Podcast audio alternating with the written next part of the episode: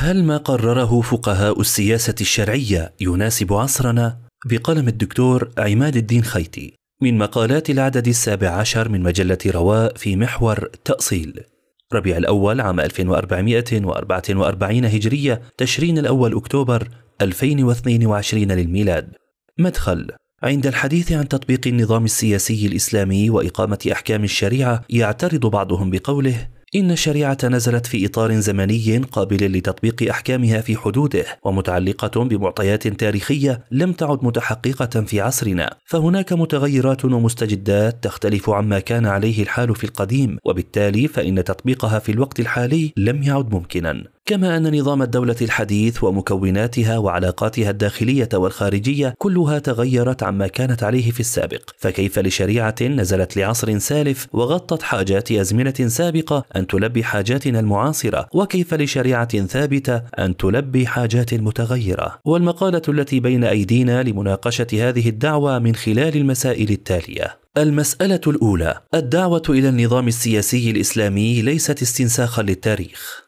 الدعوة إلى النظام السياسي الإسلامي ليست رجعية كما يعبر البعض من خلال العودة إلى حقبة تاريخية معينة أو استنساخ مظاهر وأشكال ومسميات قديمة أو العمل على مطابقة الحاضر للماضي بكل ما فيه، فمثل هذه الأفكار لا تثمر إلا دعوات عاطفية وتصورات بدائية وتخيلات ساذجة لا تمت للواقع بصلة ولا يمكن أن يقوم عليها مشروع ولا يقول بها أحد من الداعين إلى تطبيق الشريعة أو المناداة بالنظام السياسي الإسلامي. خلا بعض النماذج المشوهة للغلاة ونحوهم ممن لا اعتبار لهم. إن التصور الذي يقوم على أن إقامة الشريعة وتحكيمها لا يكون إلا باستدعاء هيكل معين أو أسلوب حكم مخصص أو وجود مسميات معينة كالخليفة والأمير والوالي أو أنه لا يكون ذلك إلا على جميع الأراضي التي امتد إليها حكم المسلمين تاريخيا ونحو ذلك هو تصور خاطئ. فنظام الحكم الإسلامي ليس محصورا في صور ومسميات رهينة زمن محدد أو ظروف معينة. معينة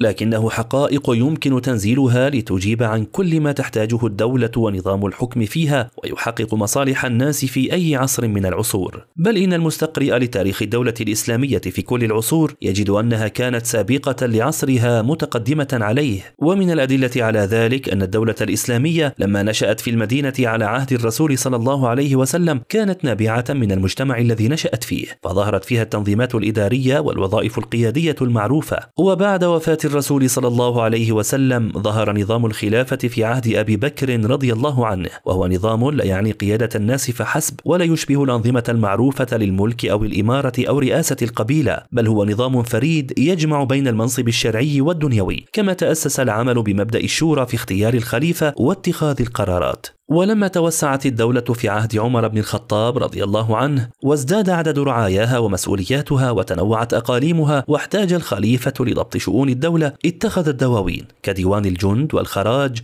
وانتقلت مؤسسة الشورى لمرتبة أكثر تنظيما. وفي عهد الدولة الأموية اتخذ الخلفاء مساعدين للقيام ببعض الأمور كالوزراء والكتاب وتوسعت مؤسسة الدواوين وأصبحت أكثر تنظيما وشمولا وتعددت التقسيمات والمناصب الإدارية واستقرت. ثم ظهرت أنواع الوزارة من تفويض وتنفيذ في العهد العباسي وانتقلت وظيفة الكتاب والحجاب إلى مؤسسة لها شروط لتوليها وتنظيماتها المختلفة. ويمكن تتبع نشوء وتطور مؤسسات القضاء والحسبة وديوان المظالم والبريد والأنظمة المالية والإدارية والعسكرية وغيرها والتي كانت الدولة الإسلامية سابقة لزمانها في كل عصر في تبنيها والأخذ بها وتطويرها. المسألة الثانية الشريعة فيها الثابت والمتغير. في الحديث عن عدم صلاحية الشريعة لزماننا بسبب ثباتها وتغير الزمن وظروفه خلط بين أمرين. الأول نظام الحكم في الإسلام والذي يعني المرتكزات العامة والتشريعات والقوانين الأساسية التي تسير عليها الدولة في مختلف مفاصلها كالتشريعات الاقتصادية والقضائية والجنائية ونحوها وهي تشريعات ثابتة صالحة لكل زمان ومكان. الثاني مؤسسات الدولة وهياكلها وقوانينها التنفيذية الإجرائية والتي تختلف باختلاف الزمان والمكان وقد وضعت الشريعة أطورها العامة وتركت تفاصيلها للناس وما يستجد لهم. فالخلط بين الأسس والمرتكزات للنظام السياسي في الإسلام وبين المؤسسات والقوانين الإجرائية التفصيلية وبين الثابت والمتغير فيها جهل بطبيعة الشريعة ونظام الحكم فيها يؤدي إلى الوقوع في خطأ استدعاء التاريخ أو استنساخه من كلا الفريقين الذين يريدون أن يرسموا نظام الدولة الحديث الحديثة بمعزل عن التشريعات الإسلامية ويتنكرون للثابت منها والذين يريدون أن يستنسخوا حقبة تاريخية سابقة بحذافيرها ولم يفقهوا المتغير منها. وقد جرى توضيح هذا الأمر في مقال سابق. وعليه فعبارة الشريعة ثابتة والحياة متغيرة غير صحيحة بهذا الإطلاق. فلا الشريعة ثابتة في كل أحكامها ولا الحياة متغيرة في كل شؤونها. فالشريعة فيها ثابت المحكم الذي لا يتغير بتغير الزمان ولا المكان ومنها ما هو متغير نسبي وهو من موارد الاجتهاد بل إن منها منطقة العفو التي أحالت فيها إلى التجربة والمصلحة في إطار من قواعد الشرع الكلية ومقاصده العامة. والحياة كذلك من شؤونها ما هو ثابت ومنها ما هو متغير متجدد فالغرائز الفطرية والحاجات الأساسية للإنسان ثابتة وسيظل الإنسان ما بقي الليل والنهار ومهما تغير الزمان والمكان في حاجة إلى عقيدة يعرف بها سر وجوده واتصاله بخالقه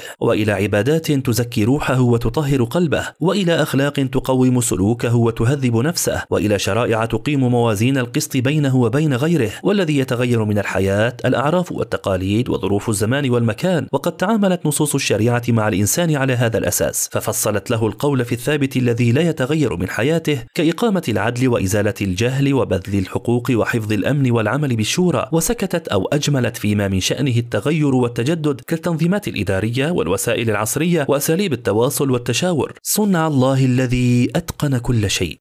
ألا يعلم من خلق وهو اللطيف الخبير.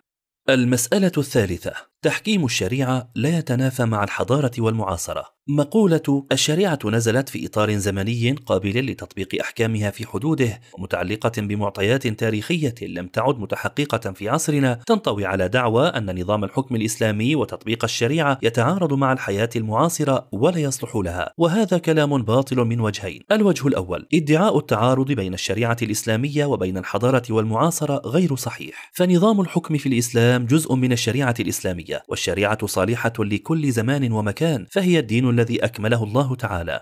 اليوم أكملت لكم دينكم وأتممت عليكم نعمتي ورضيت لكم الإسلام دينا. وارتضاه لنا دينا ومنهاجا وهو الدين الذي أمرنا بالتحاكم إليه والعمل بما فيه إلى يوم الدين. قال تعالى وأن احكم بينهم بما أنزل الله ولا تتبع أهواءهم واحذرهم أن يفتنوك عن بعض ما أنزل الله إليك. ثم جعلناك على شريعة من الأمر فاتبعها ولا تتبع أهواء الذين لا يعلمون. فلا وربك لا يؤمنون حتى يحكموك فيما شجر بينهم ثم لا يجدوا في أنفسهم حرجا مما قضيت ويسلموا تسليما. وقال صلى الله عليه وسلم إني تركت فيكم ما إن اعتصمتم به فلن تضلوا بعدي أبدا. كتاب الله وسنة نبيه. أخرجه مسلم. وصلاحية الشريعة لكل زمان ومكان من مسائل الدين المعلومة بالضرورة التي أجمع عليها المسلمون بلا خلاف وهي مرتبطة بالتصور الصحيح عن الكون والحياة وعمارة الأرض كما أنها جزء من مشروع التمكين والدعوة الذي كلف به المسلم. قال ابن تيمية فإنه قد علم بالاضطرار من دين الإسلام أن رسالة محمد بن عبد الله صلى الله عليه وسلم لجميع الناس عربهم وعجمهم وملوكهم وزهادهم وعلمائهم وعامتهم وأنها باقية دائمة إلى يوم القيامة بل عامة للثقلين الجن والإنس وأنه ليس لأحد من الخلائق الخروج عن متابعته وطاعته وملازمة ما يشرعه لأمته من الدين وما سنه لهم من فعل المأمورات وترك المحظورات. بل لو كان الأنبياء المتقدمون قبله أحياء لوجب عليهم متابعته ومطاوعته. وقال ابن القيم في بيان كمال الشريعة وهذا الأصل من أهم الأصول وأنفعها وهو مبني على حرف واحد وهو عموم رسالته صلى الله عليه وسلم بالنسبة إلى كل ما يحتاج إليه العباد في معارفهم وعلومهم وأعمالهم وأنه لم يحوج أمته إلى أحد بعده وإنما حاجتهم إلى من يبلغهم عنه ما جاء به.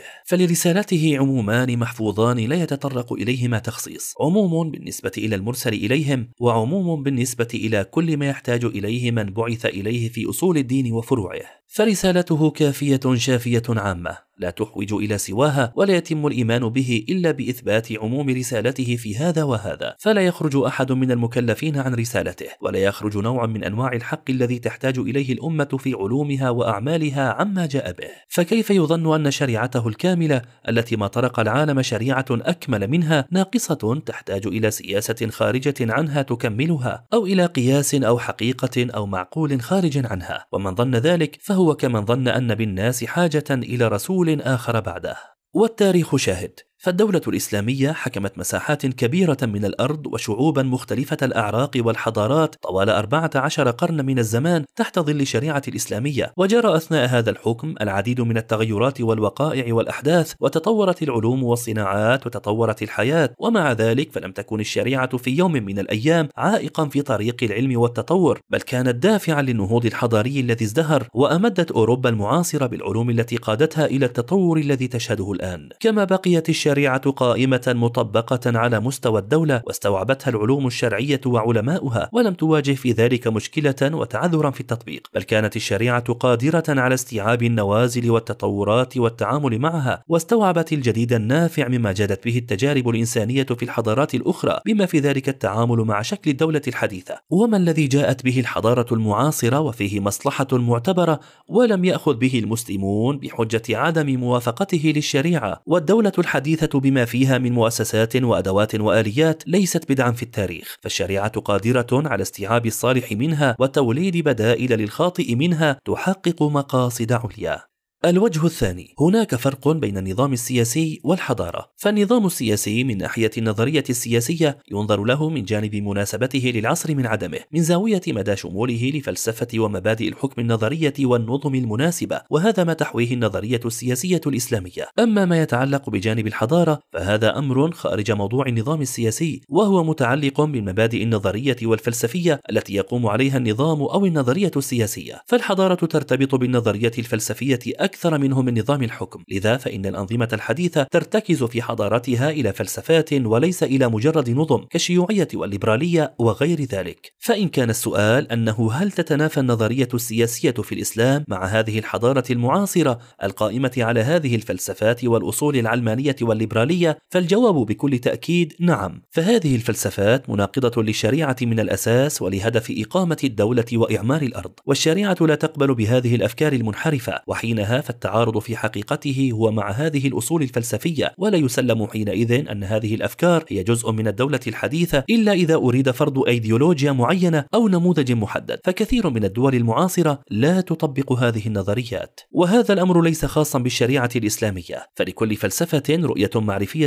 كاملة والنظرية السياسية الإسلامية تقوم على فلسفة حضارية كاملة مختلفة عن الفلسفة التي تستند إليها الحضارة العلمانية المعاصرة. وهذا لا يمنع المسلمين المسلمين من الاستفادة من نظام الدولة الحديثة والعمل على تطبيق الشريعة مع الحفاظ على هويتهم الدينية والحضارية وتجنب تلك الأصول المخالفة للشرع كما سيأتي في الفقرة التالية. المسألة الرابعة: العجز عن تطبيق كامل الشريعة لا يعني عدم تطبيق أي شيء منها. قد يقول المعترض: في ظل الدولة الحديثة العلمانية لا يمكن تطبيق الشريعة تطبيقا كاملا، فهناك العديد من المجالات التي ستعجزون عن تطبيق الشريعة فيها كليا أو جزئيا، وبالتالي فلن تكون هناك دولة إسلامية أو شريعة مطبقة بالمعنى الذي تريدون. ويزيد البعض بقوله إن أكبر عوائق تطبيق الشريعة هي مسألة التقنين لأنها صياغة الأحكام الفقهية بمفردات قانونية غربية وأن الشريعة في جوهرها روحية تعبدية. أما مقاصد التشريع الغربي في جوهرها فهي مادية بحتة مما يؤدي عند تقنين الأحكام الشرعية إلى اجتزائها أو اختزالها والخروج بها عن مقاصدها. ويمكن الإجابة عن ذلك بأمور. واحد من القواعد الشرعية أنه لا واجب مع العجز وأن الميسور لا يسقط بالمعسور فعدم القدرة على العمل ببعضها لا يلغي العمل بالمستطاع منها. فمتى عمل الإنسان بما يستطيع من تكليفات وعجز عن بقيتها؟ فإنه قد أدى ما عليه ولا يؤاخذ بما لا يستطيعه. قال تعالى ربنا لا تؤاخذنا إن نسينا أو أخطأنا. ربنا ولا تحمل علينا إصرا كما حملته على الذين من قبلنا. ربنا ولا تحملنا ما لا طاقة لنا به. وجاء في صحيح مسلم أن الله تعالى قال قد فعلت. وقال في عموم الأوامر فاتقوا الله ما استطعتم. وقال الإمام الشاطبي ثبت في الأصول أن شرط التكليف أو سببه القدرة على المكلف به فما لا قدرة للمكلف عليه لا يصح التكليف به شرعا. وليس هذا من الأخذ ببعض الكتاب وترك بعضه القائم على التشهي والهوى بل هو من العمل بالمستطاع والمقدور عليه بسبب العجز وعدم القدرة. اثنان وفي الجانب النظري قدم العلماء والباحثون الكثير من من الدراسات والبحوث التي تناولت المتغيرات السياسية المعاصرة وتنزيل الأحكام الشرعية عليها وقدموا العديد من الحلول لمشاكلها. فليس في الشريعة الإسلامية أو العاملين في مجالها ضعف أو عجز عن مواكبة التطورات والتغيرات والمستجدات لكن غالب الحال اليوم سببه عدم الرغبة والمنع والإفشال المتعمد من الأطراف الأخرى. وهنا لابد من التفريق بين القابلية للتطبيق نموذجا واقعيا غير مغرق في المثالية الطوبوية وبين عدم القدرة على التطبيق لصعوبات في الواقع. أما قابلية الشريعة للتطبيق فهذا ما نتحدث عنه وهي تختلف عن النماذج غير الصالحة للتطبيق لقصور ذاتي فيها. بسبب عدم تضمنها للتشريعات أو احتوائها على تشريعات تعارض العلم والحياة والشريعة من هذه الجهة أثبتت قابليتها للتطبيق عصورا طويلة والشريعة من هذه الجهة أثبتت قابليتها للتطبيق عصورا طويلة يدل عليها تاريخنا الإسلامي الطويل. أما إن كان الأمر متعلقا بعدم القابلية للتطبيق لصعوبات الواقع فهذا يرد على كل الأنظمة والنظريات السياسية وليس خاصا بالنظام السياسي الإسلامي. وإيراد الاعتراض هكذا دون التفريق بين الأمرين القابلية لصلاح النموذج نفسه أو عدم القابلية لصعوبات الواقع هو خلط ومغالطة منهجية لا يمكن التسليم بها. ثلاثة عدم إقامة الشريعة وتطبيقها في الدولة والمجتمع هو خلل ومنكر عظيم والواجب على المسلمين عموما وأهل العلم والمتعاملين بالسياسة خصوصا العمل على إزالة هذا المنكر ولو بتخفيفه قدر المستطاع كما هو الحال في كل منكر. قال الشيخ عبد الرحمن السعدي فعل هذا لو ساعد المسلمون الذين تحت ولاية الكفار وعملوا على جعل الولاية جمهورية يتمكن فيها الأفراد والشعوب من حقوقهم الدينية والدنيوية لكان أولى من استسلامهم لدولة تقضي على حقوقهم الدينية والدنيوية وتحرص على إبادتها وجعلهم عملة وخدما لهم. نعم إن أمكن أن تكون الدولة للمسلمين وهم الحكام فهو المتعين ولكن لعدم إمكان هذه المرتبة فالمرتبة التي فيها دفع ووقاية للدين والدنيا مقدمة والله أعلم. وفي توضيح إمكان السكوت على ما يخالف الشريعة وربما الإعانة عليه إذا ترتب على ذلك مصلحة راجحة. قال العز بن عبد السلام يجوز الإعانة على المعصية لا لكونها معصية بل لكونها وسيلة إلى تحصيل المصلحة الراجحة. وكذلك إذا حصل بالإعانة مصلحة تربو على مصلحة تفويت المفسدة ومبنى هذه المسائل كلها على الضرورات ومسيس الحاجات. وقد يجوز في حال الاضطرار ما لا يجوز في حال الاختيار. وفي عام 1941 قام الشيخ أحمد شاكر بتوجيه رسالة إلى رجال القانون والقضاة في مصر ينصحهم فيها أن يحكموا بشريعة الإسلام ويستبدلوا القوانين الوضعية بالقوانين الشرعية. وختم رسالته قائلا أما إذا أبيتم وأعيذكم بالله أن تأبوا فسأدعو رجال الأزهر علماء الإسلام رجاله ورجال مدرسة القضاء ودار العلوم وسيستجيبون لي وسيحملون عبء هذا العمل العظيم وسيرفعون راية القرآن بأيديهم القوية التي حملت مصباح العلم في أقطار الإسلام ألف عام. وسينهضون به كما نهضوا من قبل بكل حركات الرقي والتقدم في الأمة. وفيهم رجال لا يبارون علما وكفاءة وحكمة وعزما. وسيجدون الأعوان الصادقين المخلصين منكم رجال القانون ومن سائر طبقات الأمة. وإذ ذاك سيكون السبيل إلى ما نبغي من نصر الشريعة السبيل الدستوري السلمي. وإذ ذاك سيكون السبيل إلى ما نبغي من نصر الشريعة السبيل الدستوري السلمي. أن نبث في الأمة دعوتنا ونجاهد فيها ونجاهر بها ثم نصابلكم عليها في الانتخاب ونحتكم فيها إلى الأمة ولئن فشلنا مرة فسنفوز مرارا بل سنجعل من إخفاقنا إن أخفقنا في أول أمرنا مقدمة لنجاحنا بما سيحفز من الهمم ويوقظ من العزم وبأنه سيكون مبصرا لنا مواقع خطونا ومواضع خطئنا وبأن عملنا سيكون خالصا لله وفي سبيل الله. فإذا وثقت الأمة بنا ورضيت عن دعوتنا واختارت أن تحكم بشريعتها طاعة لربها وأرسلت منا نوابها إلى البرلمان فسيكون سبيلنا وإياكم أن نرضى وأن ترضوا بما يقضي به الدستور. فتلقوا إلينا مقاليد الحكم كما تفعل كل الأحزاب إذا فاز أحدها في الانتخاب. ثم نفي لقومنا إن شاء الله بما وعدنا من جعل القوانين كلها مستمدة من الكتاب والسنة. ومن بشائر الفوز وأمارات النجاح بإذن الله أن رأينا كثيرا من ذوي الرأي يقولون بقولنا ديننا ويتمنون أن تستجاب دعوتنا ويرجون أن تعود الأمة إلى دينها وشريعتها وأن بعض الجمعيات القوية جعلت هذا المقصد من أهم مقاصدها. فالمسلمون ليسوا بين خياري الأخذ بكل ما نادت به الدولة الحديثة ولو كان على حساب الدين وبالتالي عدم تطبيق الشريعة بحجة وجود مخالفات شرعية في الدولة الحديثة أو تطبيق كامل الشريعة دون نقص أو قصور. بل هناك خيار ثالث وهو إقامة الدين وتطبيق الشريعة بحسب المقدور عليه وبالقدر المستطاع. وهنا لابد من التنبه إلى أمور. واحد أخذ مسألة تطبيق الشريعة بعين الاعتبار والاهتمام وعدم الركون إلى الكسل بحجة عدم القدرة. اثنان عدم الانجرار إلى الابتذال في التأويل والتنازل عن الثوابت بحجة الضرورة والمصلحة كتعطيل الحكم بالشريعة أو إقرار قوانين مخالفة لها بحجة مصلحة الدولة أو إسباغ الشرعية على الحاكم الظالم الخارج عن شرع الله أو عقد التحالفات مع الكيانات والدول المحاربة لشرع الله لمصالح حزبية ضيقة أو بحجة السماح للدعوة بالعمل ونحو ذلك. وهذا لا يمنع المسلمين من الاستفادة من نظام الدولة الحديثة والعمل على تطبيق الشريعة مع الحفاظ على هويتهم الدينية والحضارية وتجنب تلك الأصول المخالفة للشرع.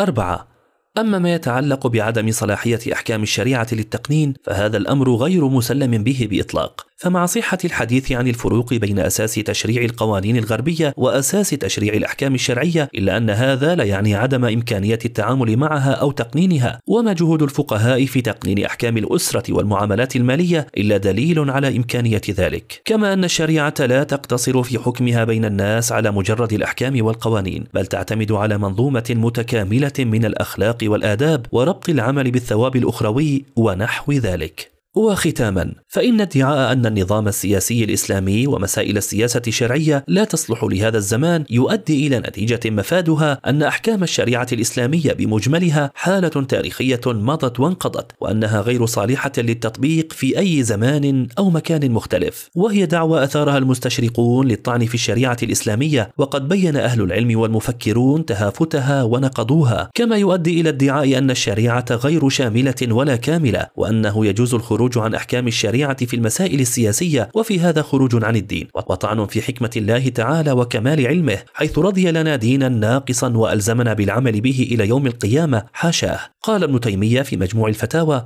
فلفظ الشرع والشريعة إذا أريد به الكتاب والسنة لم يكن لأحد من أولياء الله ولا لغيرهم أن يخرج عنه. ومن ظن أن لأحد من أولياء الله طريقا إلى الله غير متابعة محمد صلى الله عليه وسلم باطنا وظاهرا فلم يتابعه باطنا وظاهرا فهو كافر. وبالمقابل وبالمقابل كيف يترك المسلمون نظاما يثقون في مصدره ويعلمون إحاطته بما يصلح للبشر ويسعدهم وعاشوا قرونا في كنفه؟ فحقق لهم السعادة والتقدم والرقي وشهد العالم بعدالته ثم يجربون قوانين وأنظمة بشرية يعتريها النقص والخطأ. ما زال أصحابها يكتشفون خطأ كثير من قوانينها ويضيفون عليها ويعدلون ويجعلون العالم حقول تجارب لمخرجات عقولهم الناقصة وأمزجتهم المتقلبة. لقد شقي العالم بعد تراجع الدور الحضاري للإسلام بشريعته العادلة فشهد أسوأ الأنظمة وأكثرها جرما. وقامت أنظمة استعمارية شمولية احتلت البلدان وقتلت ملايين البشر واستعبدت الإنسان وانتهكت حرماته وأشعلت أفظع الحروب التي جربت فيها أفتك الأسلحة وحورب فيها الإيمان بالله تعالى وفضائل الأخلاق. حتى وصلت تجاربهم إلى تشويه الفطرة ونظام الأسرة ومحاربته.